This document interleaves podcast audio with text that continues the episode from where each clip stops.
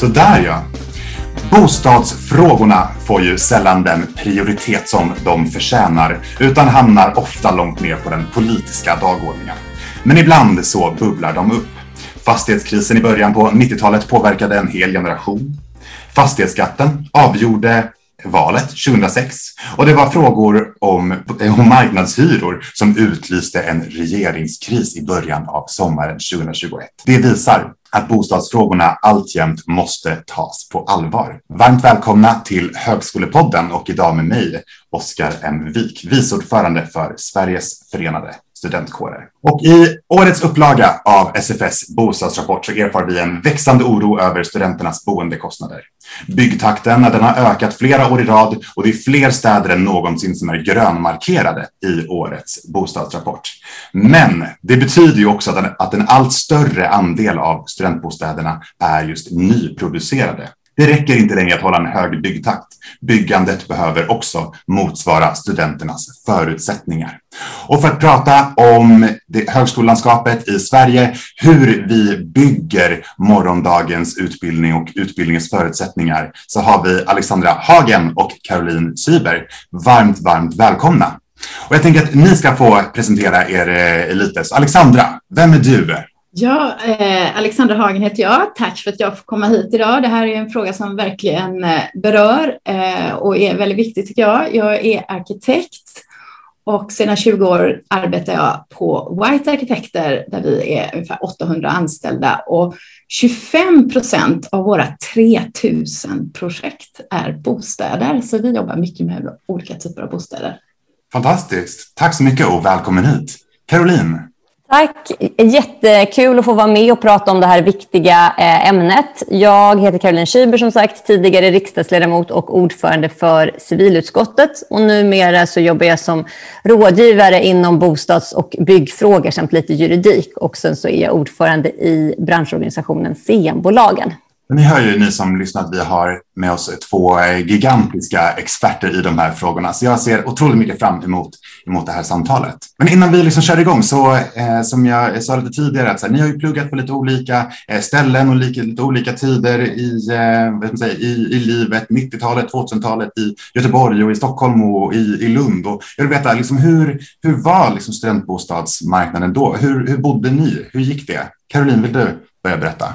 Jag är ju från Stockholm och började på juristlinjen i Stockholm och då eh, eh bodde jag hemma och det var eh, redan då inte jättelätt att få en bostad och framförallt om man var från Stockholm så kanske man kände att ja, då var de inte kanske, man kände sig inte riktigt att de var ämnade för, för en själv heller. Jag hade en, en hel del kursare som inte var från Stockholm som verkligen kämpade där man kände första terminen att bostadsfrågan det var deras viktigaste fråga och ganska avgörande huruvida de skulle fortsätta på juristlinjen eller inte. Eh, Medan vi andra kanske hade andra tankar just kring, kring det då.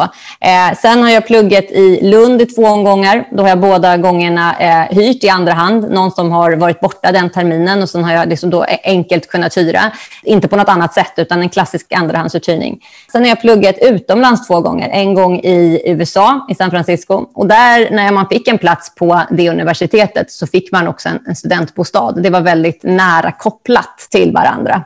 Och sen är det ett system tycker du som vi behöver införa i, i Sverige? Ja, alltså, framförallt som utbytesstudent och känna den tryggheten och ha det erbjudandet och kunna börja där. Sen så flyttade jag lite i slutet eh, av studieperioden. Men eh, jag, jag fann att det var något som var väldigt tilltalande eh, där och man verkligen också kände en gemenskap i och med att man också bor i princip på campus. Sen kan man ju tycka att det där är en liten bubbla, men som ny student på en ny plats och framförallt som utbytesstudent så kände jag en otrolig eh, trygghet trygghet eh, i det. Så att, eh, jag, jag kan utifrån den erfarenheten vara väldigt positiv och ibland har reflekterat just över bristen på det när jag går runt på en del av våra campus där jag verkligen uppskattar alla fina grönområden och alla olika byggnader men ibland funderar på skulle inte någon av, eh, här, någon av detta också eh, kunna vara lite mer eh, eh bostäder. Och sen har jag pluggat i, i Indien och även där hade de eh, möjlighet med studentboenden eh, just för utbytesstudenter.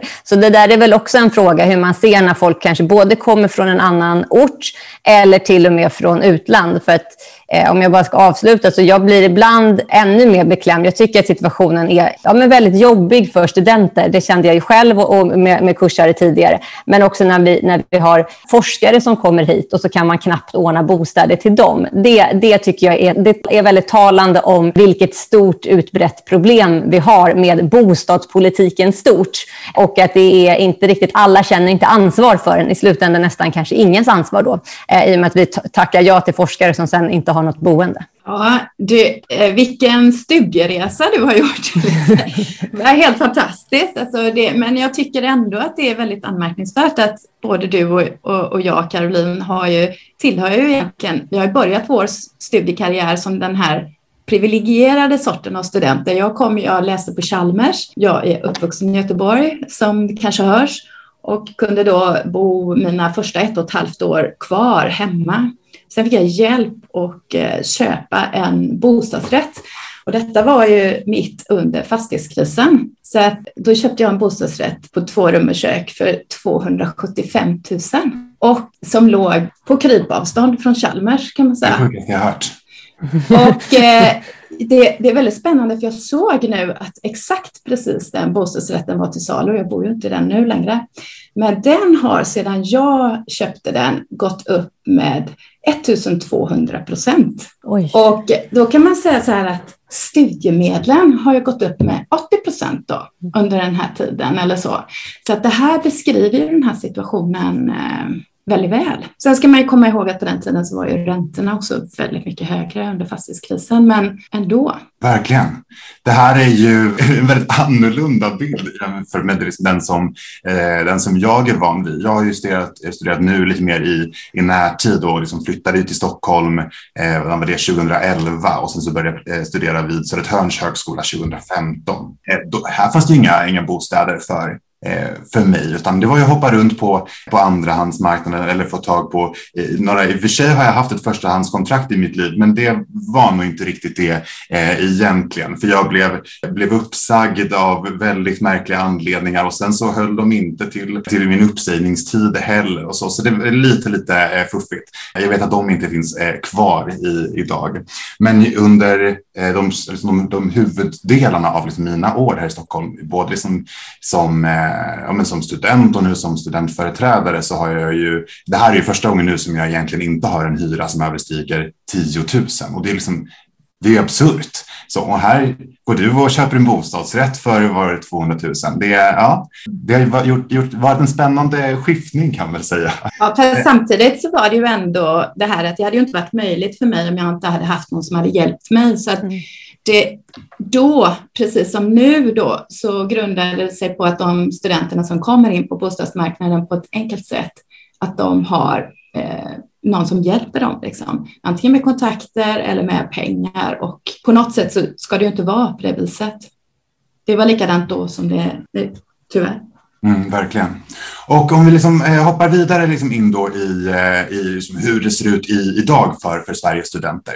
Så i årets bostadsrapport så kan vi visa att det fler, än, fler högskoleorter än någonsin faktiskt grönmarkeras. Det vill säga att de inom en liksom rimlig tid från terminstart kan erbjuda sina studenter ett tryggt boende. Och med ett eh, tryggt boende så menar vi eh, i huvudsak liksom ett kontrakt som kan, kan löpa över, över, hela, över hela studietiden. Men det finns, vi har utgått från 33 stycken eh, olika högskoleorter, det vill säga det är fortfarande bara hälften av Sveriges högskoleorter som faktiskt kan erbjuda sina studenter ett, ett tryggt boende under hela studietiden. Vad, hur, hur påverkar det, det Studentsverige? Alltså det är ju beklämma. Alltså man tittar på Stockholm och läser de här siffrorna i rapporten där det står att ja, det finns 100 000 studenter och Stockholm erbjuder 20 000 studentbostäder. Det är 80 000 som inte har studentbostäder. Hela, om vi bara sätter den siffran 80 000 i perspektiv. Halmstad Hela Halmstad är 70 000 personer. Så det är mer än ett Halmstad av studenter som inte får eh, studentbostad till en, på ett enkelt och bra sätt. Liksom. Och ja, det här riskerar ju att leda till minskad diversitet på universiteten att vissa universitet då, och det är ju samma boar hela tiden ser man där, riskerar att leda till minskad diversitet på lärosätena. Det riskerar också att leda till minskad attraktivitet. Du pratar ju om det Caroline här. Vi får hit forskare, duktiga forskare, duktiga studenter som säger jag väljer inte att komma till Stockholm eller Göteborg eller Lund för att jag inte kan hitta bostad. Och idag har vi ju några lärosäten som placerar sig väldigt väl internationellt i standard för den utbildning och den forskning som man erbjuder. Men bostadsfrågan eh, eh, riskerar att hota detta och vi kan tappa i konkurrenskraft internationellt. Så det är större än bara liksom bostadsfrågan i sig. Eh, men sen samtidigt så är det en stor fördel för de här mindre orterna och mindre universitetet som lyckas med bostadsfrågan och som kan erbjuda en attraktiv livsmiljö som helhet för studenterna, att chansen finns att de kan växa just på grund av det här. Men det man oroar sig för är ju faktiskt den internationella konkurrenskraften för våra stora lärosäten. Jag håller verkligen med Alexander. Jag tycker hon verkligen sätter ord på eh, liksom att det här är, ett större problem och att det på sikt också verkligen kan bli ett, eh, ett problem för Sverige och när, när, vi verkligen ser på konkurrenskraften. Tittar man som sagt, även om det då har gått åt, åt rätt håll så tycker jag fortfarande att 18 av 33 det är problematiskt och, och och det, det är för, liksom för dåligt rent ut sagt. Och jag läste någon studie som sa också att det påverkar ju, boendet är ju ett sätt att få, få trygghet och studiero och det finns ju ändå samband mellan en, en hel del avhopp där, eh, där man också har problem med eh, bostadssituationen. Så jag tycker att det också är någonting som verkligen är, är, är värt att lyfta. Att vi vill ju också att folk som börjar studier ska avsluta dem eh, eh, och att man liksom också får, får, en chans att rota sig. Eh, så att det eh, som sagt 18 av 33, det, det är fortfarande inte eh, bra. Eh, jag håller med Alexandra också att det finns en möjlighet för en del eh, mindre städer. Jag kommer ihåg när jag pluggade så hade jag en del kompisar som då flyttade bland annat till då, var det, då eh, fick man i princip, hade man boendegaranti om man flyttade till, till Jönköping. Några av dem har ju stannat kvar där sen. Eh, nu ligger ju liksom Domstolsverket där och sånt där, så då kanske man känner som, som jurist att det Men det är intressant just också att, att det, är, det är också en möjlighet för en del mindre orter. Eh, och sen så håller jag med, det är ett underbetyg till storstäderna. Alltså så här, det, man, är, man är en storstad, men man vill också, det är ändå där universitet eh, är en viktig del eh, av en. Och då tycker jag att alla storstäder, om man tittar på det, inte är tillräckligt bra när det gäller att lösa studenternas eh, boendesituation. Jag tycker också det här, eh, var det, jag läste ju då eh, det här studentbostadsföretagens eh, yttrande över betänkandet Moderna byggregler då. Och där i det här yttrandet tycker jag är väldigt spännande att man liksom hänvisar till just den här forskningen att eh, studenter som har bostäder nära campus, de presterar bättre, de mår bättre eh, och på alla sätt. Och det här eh, påverkar ju också kostnaden för våra utbildningar, att liksom studenterna faktiskt, som du säger då Caroline, blir färdiga. Det handlar ju om mänskligt välbefinnande, men det handlar också om samhällsekonomin och kostnaderna för våra utbildningar i stort. Verkligen. Väl, väl sagt. Vi har pratat liksom så här om storstäderna mycket, men det är ju faktiskt inte bara liksom storstäderna i rapporten som, som rödmarkeras. I år så rödmarkerar vi Göteborg, Halmstad, Lund, Skövde, Stockholm och, och Visby. Eh, och Visby är ju eh, inte en jättestor eh, stad om vi, om, om vi jämför liksom, mellan våra städer. Vad, hur kommer det sig? Varför, varför har vi ett campus där om de inte kan erbjuda eh, studenterna boende. Vad har liksom gått fel i Visby? Visby är ju väldigt, väldigt, väldigt speciellt att det är ju, alltså har ju det finns ju ett säsongsbetonat värde på fastigheterna inne i Visby under sommarsäsongen som är ju unikt och som liksom skiljer sig från många andra städer. Att det finns ett väldigt högt tryck och möjlighet, möjlighet till att ja, få ut väldigt höga priser, attraktivt liksom semesterboende då. Så att Eh, det är en väldigt, väldigt speciell marknad, fast egentligen så tycker man att det borde kunna kombinera väldigt bra med att hyra till studenter på vintern och till sådana som semestrar på sommaren. Det hade ju egentligen varit en perfekt ekvation, men det är ju det på något sätt som är det svåra med Visby fastän det inte är så stor stad. Då. Nej, men jag håller med. Jag tror att Visby är ett sådant exempel där man också är lite sådär, vem är ansvarig? Alltså när man väljer att säga, ja, vi skulle vilja ha ett lärosäte här. Alltså vem, vem, vem, vem, vem tänker till då? Liksom kommuner, staten? Alltså så här. Och när, när det liksom går att starta ett lärosäte utan att kanske också vara tvungen att ha alla svaren från början, då händer det här. Och det, jag, som sagt, jag har själv varit där, bland annat under Almedalen så används ju eh, stora delar av lärosätet så även för debatter och sånt där. Så det finns ju en, ett, ett, ett, bra hållbarhetstänk och det finns intressanta sommarkurser, precis som Alexander sa, de vill nästan hitta lite andra studenter under sommaren. Men för mig så kan jag också tycka att det, det ja, Lund är lite speciellt, men, men generellt också när man pratar om de mindre ibland, då känns det också som att man har blivit, varit väldigt glad att få ett lärosäte. Men där kanske man också borde börja ställa lite frågor, förutom att fråga var ska campus ligga? Vad, vad ingår i ett campus? Alltså hur bygger man ett campus? Vad finns det för bostäder? Prata med det kommunala liksom, bostadsbolaget. Kommer ni hjälpa till här? Om inte, vem ska göra det? Så att det ställs lite frågor innan, eh, för att annars kommer de här problemen att fortsätta. Och det bästa är ju alltid att man inte behöver bygga nytt, för det är också en en stor del. Det, det, har byggts en hel del, det märker vi som sagt eh, 18 av 33. Men jag känner ju en liten oro där, att det, det, i dem är det ofta nybyggda en väldigt stor rullians. Då är vi kvar i det här liksom, eh, eh, otrygghetsproblemet, när man hela tiden känner att man utöver studier eh, måste jobba vid sidan om för att CSN inte räcker, måste hitta, leta efter ett annat boende för att du känner att jag lägger för stor del eh, eh av mina medel idag på det här. Då är ju otryggheten eh, kvar och då har vi fortfarande problemen kvar även om det står bostäder där, så är det då inte rätt. Och det där är också någonting som jag tror att man, man behöver vara lite tydligare om i debatten. Att det gäller inte bara att bygga. Det ska vara för studenter som, där också ekonomin klarar det här. Man måste lägga ett tydligare tak, vad som är rimligt att ta betalt. Alltså, de har ju väldigt olika städ, eh, förutsättningar de här städerna. Man tycker liksom att Halmstad och Skövde, där borde det gå att lösa, för där har de ju inte så extremt höga markpriser ännu. Liksom. Så där tänker man ju att om de är lite smarta de här städerna nu så, så, skulle de kunna, så skulle de kunna lösa den här frågan. Man känner sig ju mer oroad för städer som Stockholm, Lund och Göteborg. Liksom. Där en etta kostar som en normalstor villa i andra delar av landet. Då, liksom. Mm.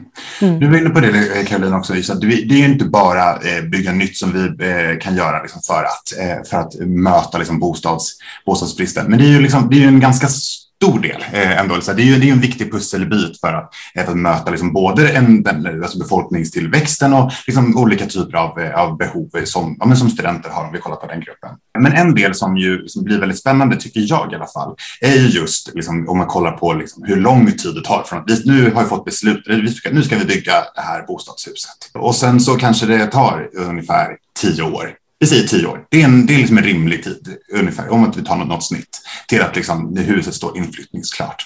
Men när vi pratar om utbildningsplatser, då kan ju det vara en reform som kommer på på ett halvår från, från regeringen. Och där har vi liksom två parametrar som inte, inte går, går ihop. Vilken analys bör finnas? För här är det ju liksom mycket av de, de stora högskolorna som påverkas. Det är liksom Lund, Göteborg och, eh, och Stockholm, för det är där liksom det procentuellt liksom ökas flest i, i studentantal. Så här, vad, liksom, vad, kan vi, vad kan vi göra, göra i de här städerna för att liksom motverka den här mer liksom växande bostadsbristen kan vi säga? Alltså det behöver ju bli ett bättre samtal mellan stat och kommun överhuvudtaget. Alltså högskolorna har ju ett regeringsuppdrag och eh, det är kommunerna som ansvarar för bostadsförsörjningen. Eh, så det handlar ju om att få till det där samarbetet och det finns ju initiativ på olika håll. För det är liksom Göteborg till exempel eller sådär. Men just de här snabba omställningarna. Jag har faktiskt, jag har faktiskt inga riktigt bra eh, svar på det. Liksom. Det, det är om man skulle börja jobba mer innovativt med, man tänker liksom, finns det nya möjligheter just nu på grund av pandemin med hotell och sådana saker. Man tänker just i den här situationen som som vi befinner oss nu där, där vi tillför många studieplatser, men det är fortfarande så att vi inte har ett utbrett resande på samma sätt. Många hotell står fortfarande tomma och har inte full beläggning. Eh, vad kan man göra för att nyttja, alltså där skulle man ju kunna göra något. Det handlar ju egentligen om ändrad användning av fastigheter på olika sätt och det skulle kunna vara en grej att göra just just exakt nu under de förutsättningarna vi har exakt nu. Men det är ju ingen långsiktig storskalig lösning. Så. Nej, och jag tänker också, jag har haft en eh, dialog med några kommuner utan att liksom hänga ut dem så pratar de ofta om vikten av sin markreserv och framförallt om man då pratar om marken nära campus. Och där har jag tänkt att så här, men varför använder man då inte där mer liksom ett, ett flexibelt eh, eh, boende och kanske där också låter det vara en, en liksom industriell eh, eh, lösning som, som då, och då kanske man är öppen från början att den här ska bara stå 10-15 år. Det kanske inte alltid är det bästa, men jag, eh, i lärdomen eh, som jag har sett är att står någonstans, någonting någonstans, då, då kan man också sen eh, räkna med att det, att det kanske också blir temporärt har en tendens att bli permanent. Att då kanske man också kan bygga där. Men om det just istället för att det är så att man har massa mark som bara ligger i markreserv och så har man massa studenter som inte har något boende, då kanske man också ska försöka använda den här marken lite grann under tid. Och jag tror att tittar man på 10-15 år, ja du hinner ju få in på, på 15 år hinner du få in i alla fall kanske tre studiekullar. Eh, så att det, det, det är ju ändå en, en ganska bra lösning. Sen är inte det lösningen på allt och jag vill också att det finns en, en, liksom en, en långsiktighet. Men ibland så känns det som att det är, ett, det är lite oflexibelt och där jag skulle vilja att man är lite mer eh, innovativ. Eh, och också precis som Alexander säger, det hade ju varit fint om man också hade känt att även andra, alltså så här, om det är så att det är nu eh, hotell i närheten som inte har rum, att man också hittar de här samma... alltså, Någonting har ju varit väldigt fint under pandemin där folk också har börjat reflektera lite så här, hur kan vi hjälpa varandra på olika sätt? Företag ville ge mat till sjukvårdspersonal. Så man, no, det fanns lite mer medmänsklighet kände jag än vad det har funnits annat. Jag skulle gärna vilja att den finns också, att man funderar på, kan vi på något sätt hjälpa?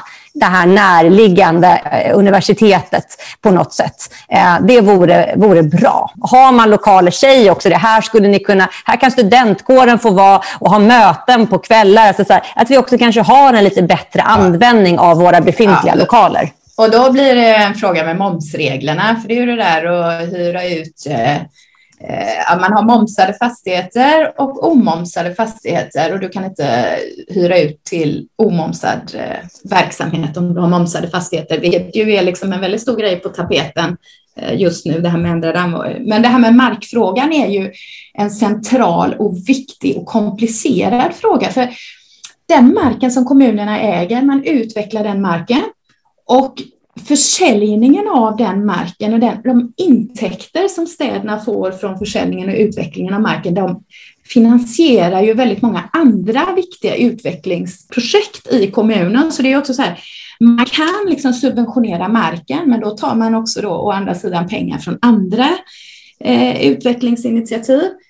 Eh, så det är ju en svår fråga. Och det som är det svåra med den här subventioneringen av marken, det är ju att hur hindrar man då fastigheter, eller fastighetsägare som får den här subventionerade marken att inte ändå ta ut den fulla marknads... Alltså det som marknaden är beredd att betala då för den här marken. Så man måste ju, subventionering av mark är ju en väg att gå där staden har mark, men då måste man ju också säkerställa att det ger ett varaktigt avtryck i hyresnivåerna framåt. Liksom. För annars, annars har man ju bara liksom förflyttat vinsten eller man förflyttar vinsten till den första ägaren av den här bostadsrätten, om det är en bostadsrätt. Då, Men, eh, så jag tror att det är ett uppdrag för, i så fall så skulle det ju vara för allmännyttan eller så, väldigt öronmärkt eh, mark då på något sätt. Men ja. Har du något exempel på liksom där, eh, eller hur, hur ni jobbar med att just eh, subventionera mark och hur liksom det påverkar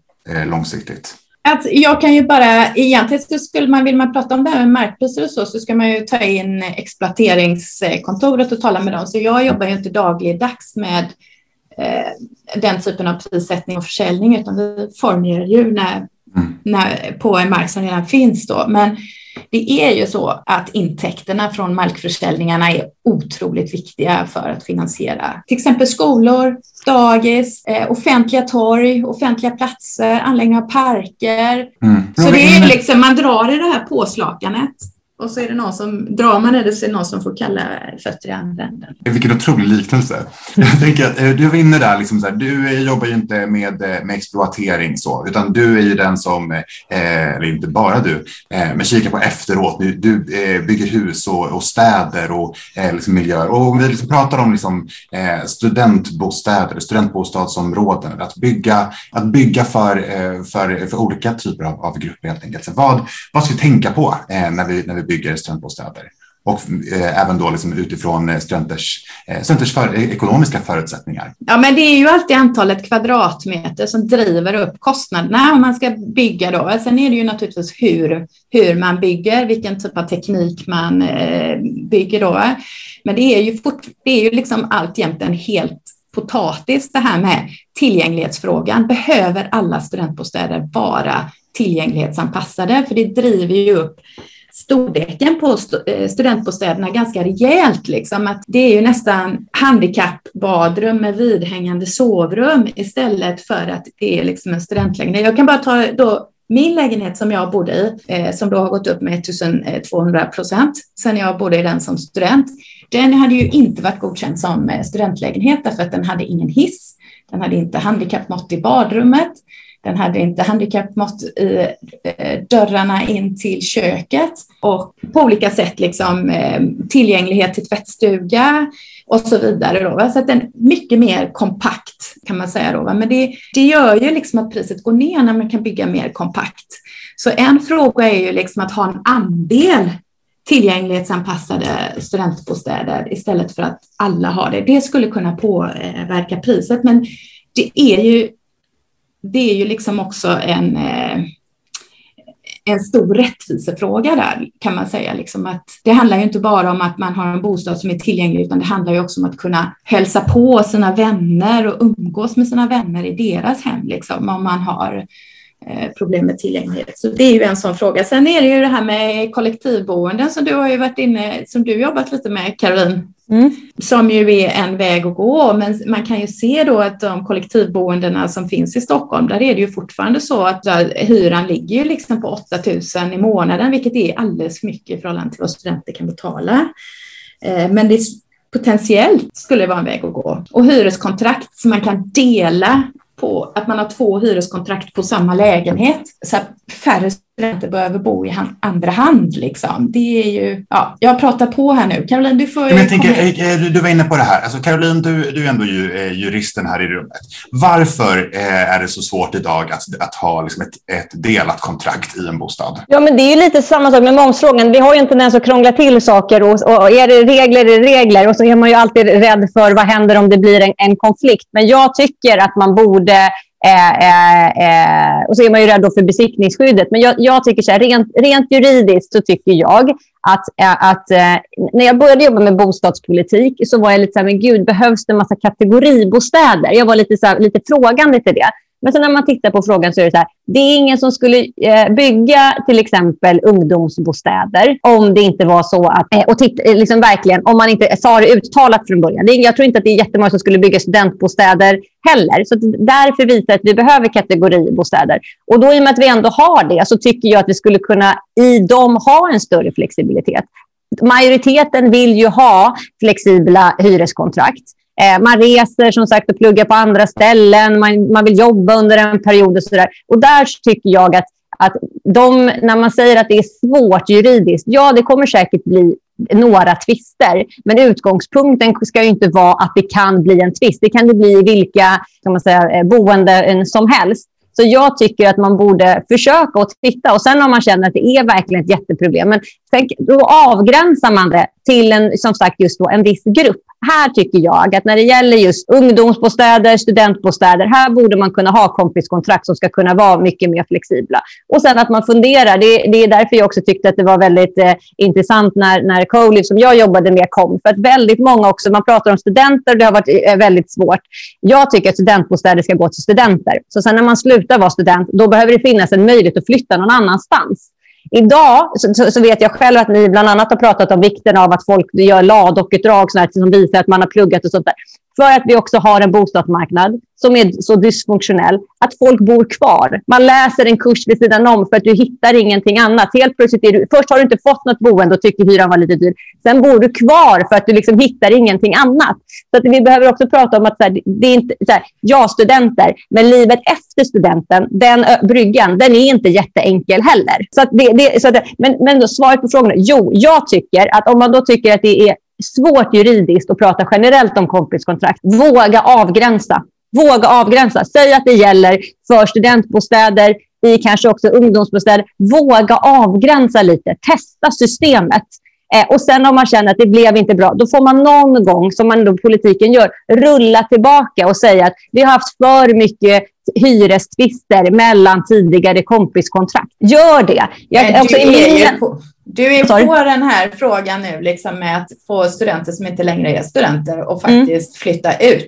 Och det var ju jättespännande det här med Uppsala. Man gjorde den här trålningen för några år sedan och det var ju en otroligt hög andel av de här studentbostäderna där det faktiskt var personer som inte längre studerade som bodde. Så det mm. är ju liksom att hela tiden också granska vem är det som bor i de här bostäderna, att det faktiskt är studenter och för att också komma till rätta med problemet måste vi jobba med ungdomsbostäder. Young professionals. Det är... mm. ja, men jag tror så att det, det, ja, så att jag, men, men som sagt, frågan är inte enkel, men jag tror att ibland så behöver man också känna att vi kan inte ha samma system för alla. Jag tycker också Alexandra eh, visar lite som du pratade om det här väldigt bra täcket med kommun, att så här, ska, ska du sänka marken lite, då påverkar det kommunen. Så är det ju samma också.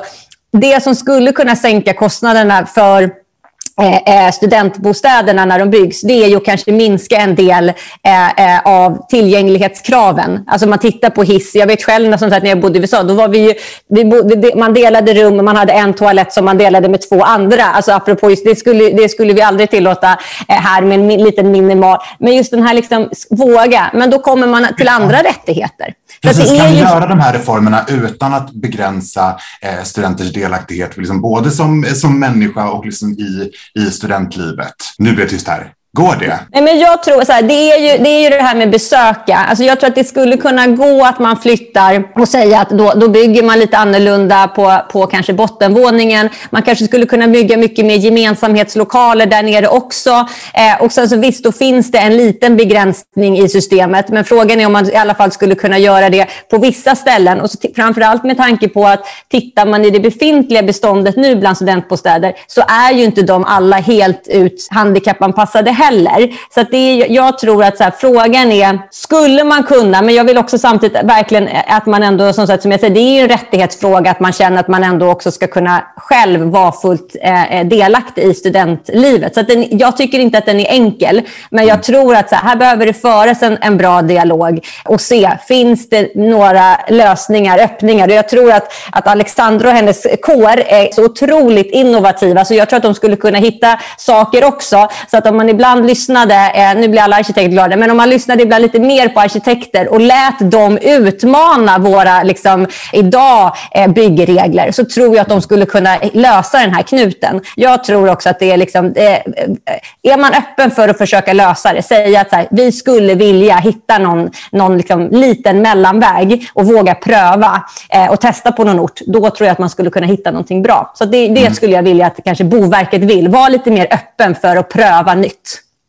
Ja. Någonstans så tänker jag liksom också att så här, eh, det, i, i, ett, I ett utopiskt eh, samhälle, liksom så här, där, där det, det, finns ingen, ingen bostadsbrist, utan det finns liksom en, en rörlig marknad och eh, du kan liksom välja en bostad. Där kanske det är liksom rimligt att tänka att nej, men varje individ kan inte, eller ska inte liksom bo eh, överallt. Så det kan ju vara en, en, en massa olika förutsättningar som beroende på liksom hushållets storlek eller, eller ol, eh, olika funktionaliteter och så vidare. Eh, såväl fysiska som psykosociala. Men liksom eh, nu, om vi bara som du sa, i, det är ett helt eh, Halmstad som liksom saknas bostadsmässigt i, i Stockholm. Är det verkligen nu i så fall som vi ska liksom börja tumma på, eh, på, Man kan ju olika, olika rörlighetsregler? Ja, li, lite är det också så här, så kan man säga så här, antingen antingen gör vi det perfekt och så går det skitlångsamt. Och så har vi ett Halmstad som inte har, så att det är ju liksom, idag är det så här, ja, vi har jättehöga krav på allt möjligt liksom. Och det, eh, det leder ju då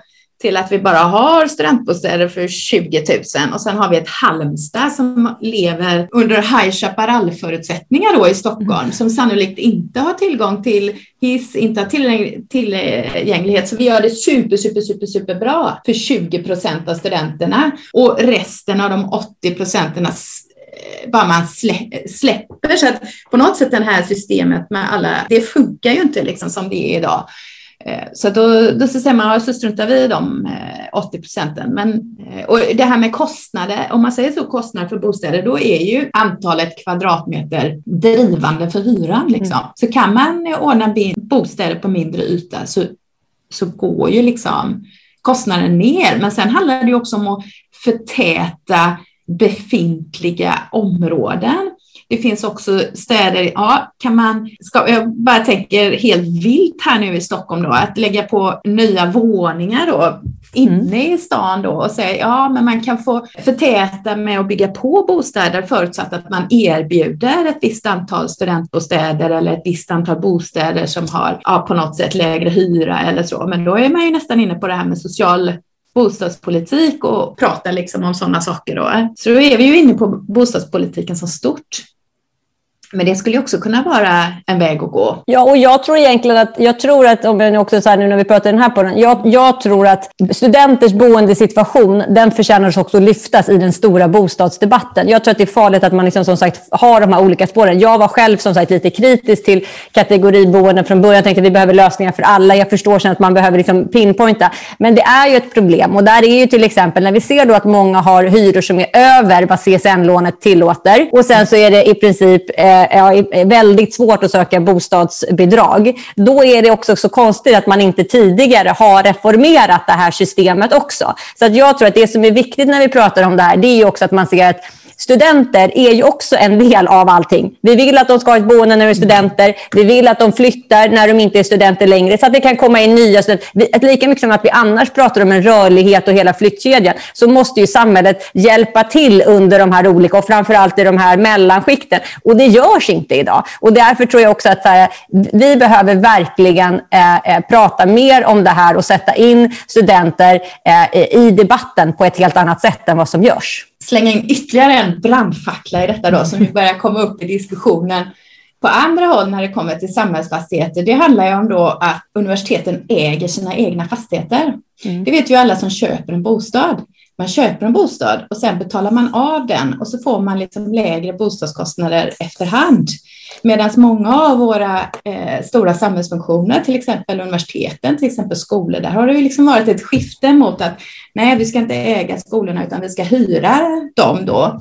Och hyran den beräknas ju hela tiden utifrån, ja men vad är det liksom som är den aktuella hyran för nybyggda objekt idag, liksom, eller att den förflyttas ju hela tiden upp, så man får ju inte den där effekten av att, att universitetet då har lägre kostnader för äldre fastigheter som man hyr. Då, va? Så jag tänker att en stor fråga för universitetet, det är, men den är ju väldigt, väldigt stor, det är som det här frågan om att äga sina fastigheter och frågan om att faktiskt äga studentboenden. Och då är vi ju inne mer liksom på det här internationella, liksom man har sådana här dorms då, så kommer man till universitetet och så får du ett studentrum där eh, generationer av studenter har liksom karvat i väggarna då, och så bor du där och så hamnar du direkt i ett sammanhang. Men det är ju många gånger att universiteten själva äger de här fastigheterna. Liksom. Mm. Där, du var inne på det innan med, med att studenter som bor liksom i campusnära områden presterar, eh, presterar bättre. Och vi ser ju också en ganska tydlig efterfrågan liksom bland studenter att så här, jag vill bo nära, nära campus, nära, liksom de, eh, nära de studiesociala miljöerna. Så här, vad är det här vi behöver göra? Behöver vi eh, se till så att eh, lärosätena kan äga sina egna eh, lokaler för att kunna bygga? Eller så här, hur, kan vi, hur kan vi jobba oss närmare den här typen av... En positiv grej som har hänt som ju för, för tio år sedan 10-15 eh, år sedan var ju liksom en stor grej. Det var ju det här med att Akademiska Hus, de hade ju då uppdraget bara att eh, jobba med själva utbildningslokalerna och att Akademiska Hus uppdrag nu har förändrats så att de också jobbar med studentbostäder. Det är ju ett eh, steg i rätt riktning. Men man, jag, jag, tror ju att det är väldigt bra att planera för utbildningslokaler och bostäder tillsammans. Det blir ju också väldigt mycket mer attraktiv stad, liksom, när man blandar de här miljöerna som lever på dagen och de miljöerna som lever på kvällen. Det blir mycket tryggare, trevligare och mer levande dygnet runt. Liksom. Nej, jag håller bara med. Och jag, när jag tänker tillbaka just på, på den tiden när jag eh, eh pluggade i, i, eh, i, San Francisco, då var det så det var liksom universitetet och sen precis bredvid så var det då de här dormen som verkligen var så här klassiska små studentrum som vi delade. Och sen de som hade byggt precis utanför, där var det eh, mer som lägenheter. Och där var det så här, som sagt, det där var det en del som gick ihop och hyrde efter ett tag. Det kunde vara en del forskare, de som hade familj. Då hyrde dessutom universitetet en del av de bostäderna. Men det var liksom helt en privat hyresvärd. Men som hade ett litet fokus på att ändå fånga upp det på universitet, från universitetet. Och de hade en väldigt bra dialog. Men där om man då skulle jämföra så skulle man kunna i ett sånt läge, att så här, en, en kommun som bygger eh, i ett sånt läge också skulle, ändå skulle ha i fokus att man vänder sig mot universitetet eh, på ett sätt. Och kanske till och med liksom att man hjälper då man vet att så, okay, men om vi inte om vi har ett äldre bestånd och allt inte är handikappanpassat, kan vi förhyra några här? Och det är fortfarande en rörlighet och en, och en, och en blandning. Sen kunde jag känna efter att ha, ha bott där några månader, då ville jag snarare liksom lämna campusområdet och vi ville bo lite utanför. Eh, eh, och det där är väl också den här känslan. Det kommer jag ihåg när jag flyttade till Lund och jag hade 15 minuters cykling. Jag tyckte ju när man flyttade från Stockholm att jag liksom bodde i city i Lund. Och alla andra bara, oj, bor du där borta? Alltså det är också någonting som är lite kul, just den här känslan av vad är centralt? Hur, vad är en cykelväg? Och jag kände så här, men vadå, om någon ringer och säger, ska du kolla på film och det är en 15 minuters cykel. Det var ingen grej när man flyttade från Stockholm. Men i Lund så tyckte folk liksom att så här, men du bor utanför stan nästan. Liksom. Bor du där uppe? Så, så det där tycker jag också, för mig har det gett perspektiv som sagt när jag också har pluggat på olika eh, orter. Och jag måste ändå säga det att jag, eh, det finns en hel del som är bra, men just när vi kommer till, till hur vi har löst boendesituationen för studenter, där är inte Sverige eh, bäst i klassen på långa vägar alls. Så att ja, vi har en fantastiskt att vi, kan, vi får plugga gratis på våra universitet, men man glömmer också alla kringkostnader, eh, både ekonomiskt, men jag tycker ändå, som Alexandra sa, den här otryggheten och oron, att vi liksom eh, ändå vill att folk ska utbilda sig, men inte ger rätt förutsättningar från början, det tycker jag är problematiskt. Jag tycker vi var inne på eh, liksom nu, eh, så vad, vad vi behöver göra och eh, Akademiska hus har fått ett utökat uppdrag och där, när, för säga, problematiken här blir ju också mycket, det, det är nyproduktion, det är mycket centrala eh, områden. Eh, vad ham, hamnar de här hyrorna för eh, strandbostäderna på? Eh, det eh, ser kanske inte jätteljust ut eh, alla gånger. Eh, Caroline, har du några tips? Där? Hur kan vi ändå bygga billigare? Finns det liksom saker liksom från liksom själva bostaden som vi kan göra eller är liksom Eh, processen inför byggandet som är problematiken? Eller hur kan vi se till för att nå SFS mål om att studenter inte ska lägga mer än 35 procent av studiemedlet på boendekostnader. Hur når vi dit? Nej, men jag tror, alltså jag tycker att Alexander var inne på det. Jag tror det är väl det som också visar det här samspelet. Det är, eh, vi vill gärna att så här, mark, marken är dyr. Vi vill gärna att kommunerna sänker priset på den. Men då, de är ju ovill, ofta ovilliga att göra det, för då, det, det är ju ändå pengar för någonting annat. Pengar för, för deras liksom, för an, annan god utbildning, men då på lite lägre nivå, liksom vår grundskola. Och här tror jag att man behöver se samspelet mycket bättre med även staten, men även liksom med, med lärosätena. Det går inte att man bara tycker att Åh, staten säger att vi fick ännu fler platser. Ja, alltså det, det är en sak när det är distansutbildningar. Det är ju faktiskt ändå så att man, ska man säga att ja, vi tar, tar in 10 000 studenter till. Vi liksom utökar antalet platser. Och Sen behöver man inte reflektera över boendena. Där tycker jag att så här, det visar också att vi inte ens har en grundläggande dialog. Och Skulle vi ha den, då skulle man också börja kanske prata lite om hur skulle vi kunna bygga lite mer flexibelt. Eh, och Det är såklart att det är, så här, det är ju kvadratmeter som Alexandra säger. Det är eh, eh allt ifrån delade duschar. Alltså så här, badrummen idag är ju en, en, ganska stor kostnad i och med att de är så, så stora som de ändå är procentuellt av ett, studentrum om man har en egen. Så det, det finns ju eh, de här, eh, men med de regler vi har nu så är det ju lite, lite svårt och framförallt om man då inte heller subventionerar marken. Och då är frågan, är det alltid kommunerna bara som ska säga okej okay till det? Eller kan de få någonting tillbaka? Och sen det här slutgiltiga som jag också vill upprepa som Alexandra sa. Om man då får marken eh, då måste, eh, lite billigare, då måste ju det märkas för studenterna. Det kan ju inte gå in i någon annans ficka. Eh, så. Och hur man får det, hela den diskussionen. Göteborg är väldigt bra på samråd, de sitter och pratar mycket. Sen har de tyvärr ändå väldigt röda siffror, det är inte så bra. Men de har i alla fall en dialog om det. Jag skulle önska att fler hade det. Så det som också är positivt med den här rapporten tycker jag, det är att när man går igenom den så ser, det har varit lite olika lösningar på, i olika delar av landet. Jag tror att man skulle kunna lära väldigt väldigt mycket av varandra. Eh, man skulle kunna inspireras mycket mer. För att det finns goda exempel då, hur man har kunnat bygga eh, eh, billigare och hur man har löst det med eventuella liksom, andra markpriser. Men visst, det, det, saker hänger ihop. Mark är en fråga och hur man bygger är, det är det som är kostnadsdrivande. Punkt. Men utmaningen är ju också att man tar ut det priset som marknaden är beredd att betala och då konkurrerar man med andra än bara studenter. Så att mm. då är det liksom för den som är fastighetsägare, du kan vara jätteduktig på att hålla nere kostnaderna genom att ja, köpa, du kanske får bra, bra deal på marken. Du ser till att du får en kort planerings och projekteringstid. Det påverkar ju också kostnaden, att man bygger moduliserat billigt.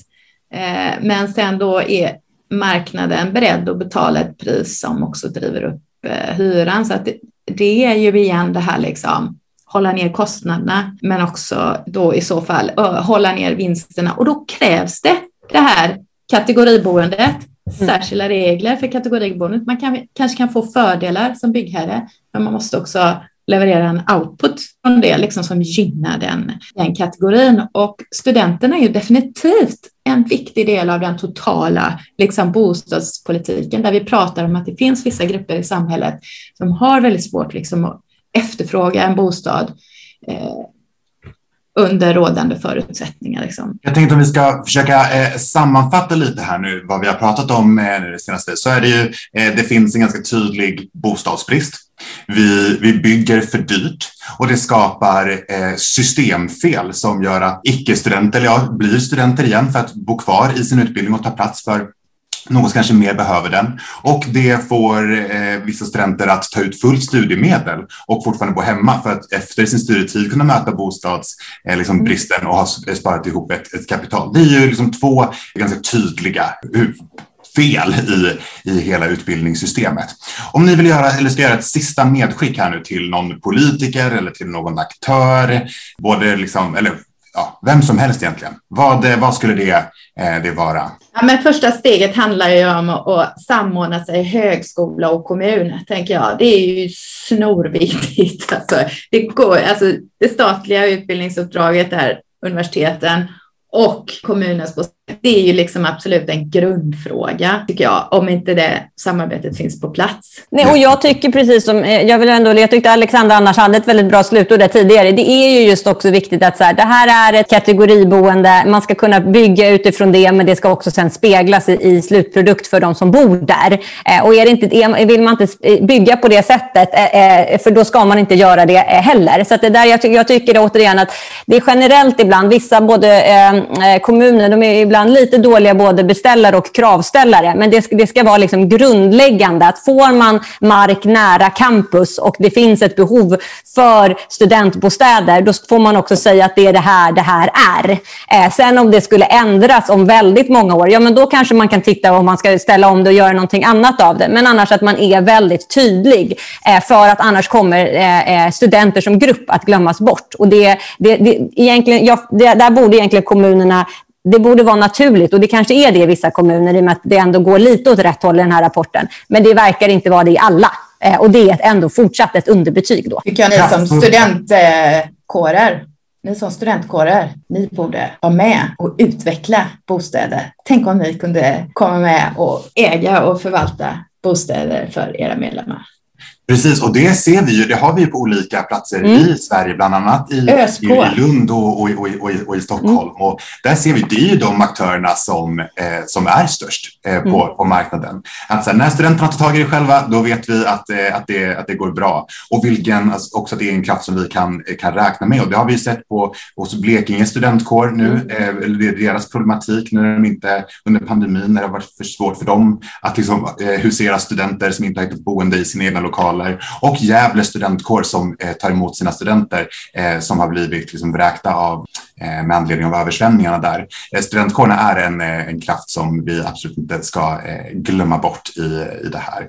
De tar sitt ansvar och det är dags att fler aktörer gör det också. Och med det så säger jag stort, stort tack Caroline Syber och Alexandra Hagen för att eh, ni ville vara med. Tack! Tack för att vi fick komma. Ja, tack. Ansvarig utgivare Katarina Metsis.